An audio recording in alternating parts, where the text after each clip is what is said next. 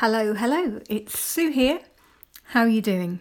Um, I'm recording this on a Monday and it's the start of my second week in my quest to find my way to another type of work after over 25 years of working in corporate communications. So I've just called into the local picture framer to pick up a collage of photographs of me as a little girl. And I thought today I'd talk about why I put that collage together and how I like to use images and words and sometimes music to help me think through and remind myself of how I want to live my life. So I've just been making myself a cup of tea to talk through this with you because, see if you can hear this if I open the door. You know it, it's just stopped. It's just been absolutely tipping it down with rain. The sky is so black, you can hardly believe it's May. It's just been absolutely torrential.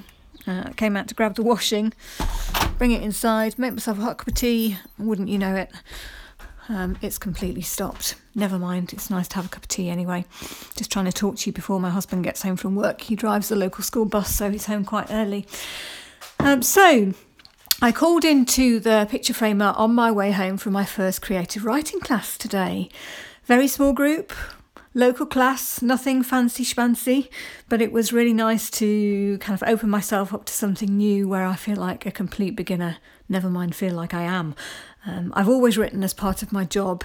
Uh, I've also co authored a non fiction book, but the more I've got into the habit of writing to objectives in a very structured way, the more I found I completely lost the ability to play with words that I had as a kid. Um, I love words, I know that might sound really weird, but I love the way that words like, you know, magic or Ferris wheels or taffeta or chocolate or the imagined year of a uh, idea of a secret garden or a desert island can kind of take you to another world. And I used to write loads of poems and stories as a kid, but now if you ask me to just write something, I tend to freeze. And I've got all this unhelpful perfectionism by the barrowload, which tells me I have to do things really well, otherwise, I'm a bit apt to give up. So, um, let me take my tea and let me tell you about the collage I've made and how I hope it's going to help me a little bit with that.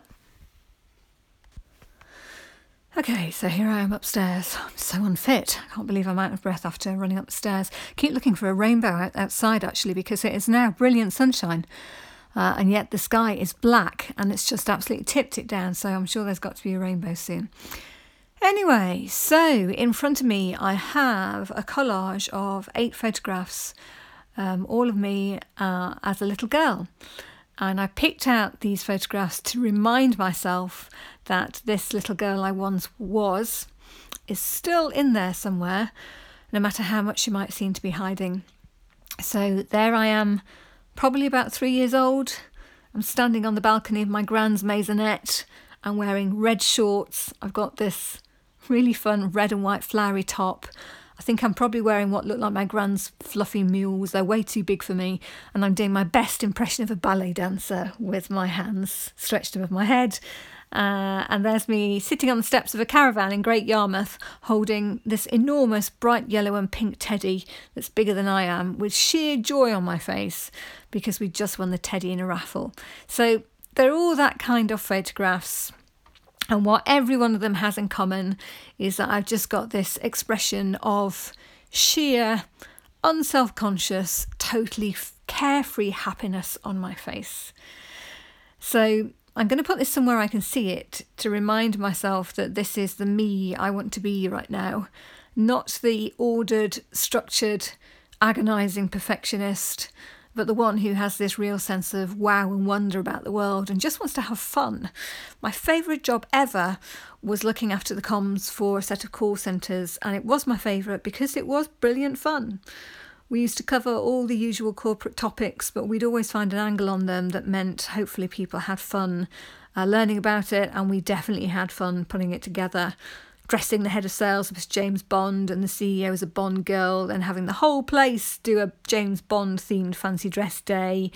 Um, events communicating the corporate strategy that included a Smash the Malteser game and a company girl band complete with Union Jack style Spice Girl outfits. So much fun was my favourite job ever. So, uh, fun is definitely on the menu. And this set of photographs here is going somewhere I can see it to remind me of that. I first used images to help me literally have a picture of how I wanted life to be after I'd done an exercise called the best possible self. And this is an exercise that was invented by a psychologist and professor called Laura King, who does lots of research into well being, motivation, finding meaning in life, living a good life, all that kind of thing. And she suggested that writing about life goals could help people think through their priorities, goals, and values and leave them feeling more optimistic after they've done it.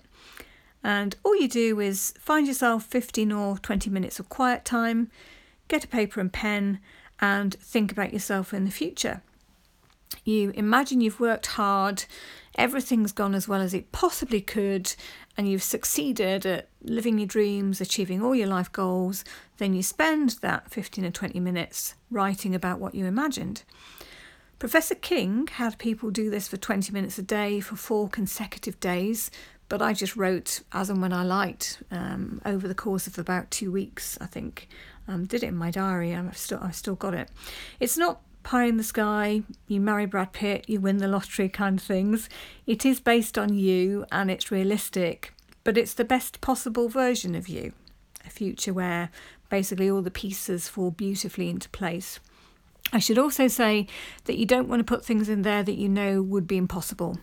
So I would have loved to have children, but that's not going to happen now. So the last thing I want is to make myself miserable writing about a future with kids and grandchildren in there when I know that that's you know there's never going to be any. Anyway, I did this exercise a few years ago. I really enjoyed it, and also I added to it a bit by then making myself a collage that captured all the main pieces of what I'd written. I just ripped pages out of magazines, I got a big piece of card and some glue from the local newsagents and I stuck them on. And I put it up in the room I worked in at home and saved it as the home screen as well on my um, on my iPhone. A couple of years later, I wondered about doing a new one, and at that time, I realised I just actually had a year where I'd done lots of things that made me really happy. I just kind of needed to turn up the volume on those things. So this time I made a collage of actual real photographs um, I used photo Photobox to make a nice big collage. It's still right now pinned up above my chest of drawers, and it makes me really happy to look back on those times and to remind myself to have more of them. So that's the idea of the best possible self exercise and using pictures. Maybe it's something you might like to have a go at, either by writing or getting a stack of old magazines, making yourself a collage. I've been finding myself recently looking back to when I was younger, very much younger, to remind myself what I used to love before I got all very serious and workified. So I've got this new printed photo collage I've just talked about, reminding me to have fun. Um, they're all preteen photos there. That's how young I was there.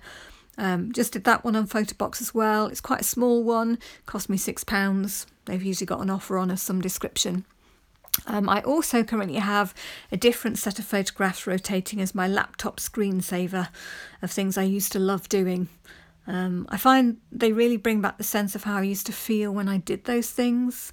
Very nice, happy feelings. So I'm hoping that somewhere in the inner workings of my brain, the cogs will be turning to work out how those things might come into um, a new future work thing for me.